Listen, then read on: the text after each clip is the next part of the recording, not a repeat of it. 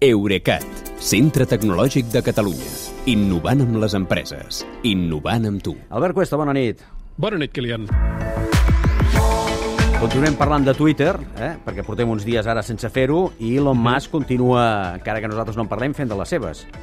Sí, eh, no només recullo el tema de Twitter, sinó també el d'Europa, perquè la demanda que l'Oriol Serra explicava té a veure amb la flamant Directiva Europea de Serveis Digitals, aquesta que va entrar en vigor fa pocs dies. A Brussel·les estan a l'expectativa de quina actitud prendrà Musk al respecte de tot això. Eh, Vera Jourovà, que és vicepresidenta de la Comissió Europea, ha declarat al Financial Times que confien que Twitter respecti la legislació europea amb la lluita contra la desinformació i contra el discurs d'odi però que els amoïna també com ho farà després d'haver acomiadat la majoria del personal que tenia fins ara a Europa. Mm, inclosos els empleats de l'oficina de Brussel·les, eh? Sí, el mateix article del Financial Times explica que Twitter ha desmantellat del tot la seva delegació davant les institucions europees, on, segons el portal de transparència de la Comissió, hi treballaven cinc persones a jornada completa i una sisena a temps parcial.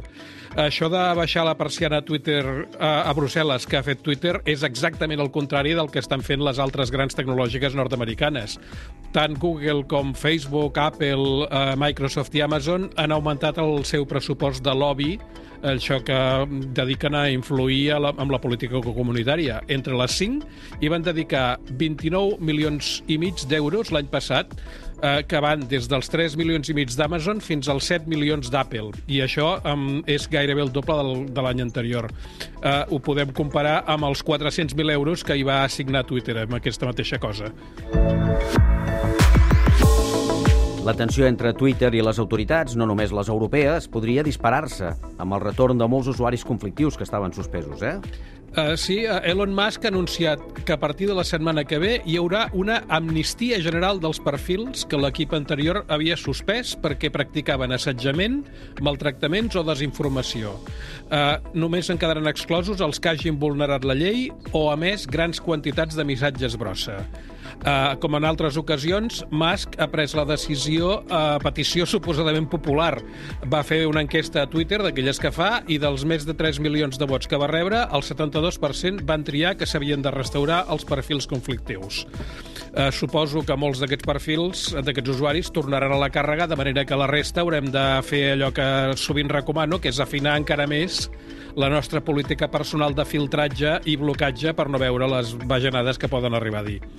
Uh, de tota manera, aquesta no és l'última alcaldada recent d'Elon Musk, que ja s'ha anat veient, uh, és un home que encaixa molt malament algunes crítiques.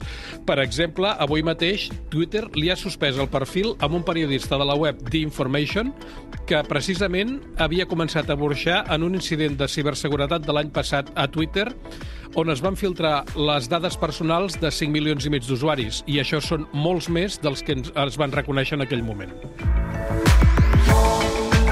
I una cosa, després del fiasco inicial, Twitter tornarà a verificar perfils d'usuari i ho farà ara amb cloraines?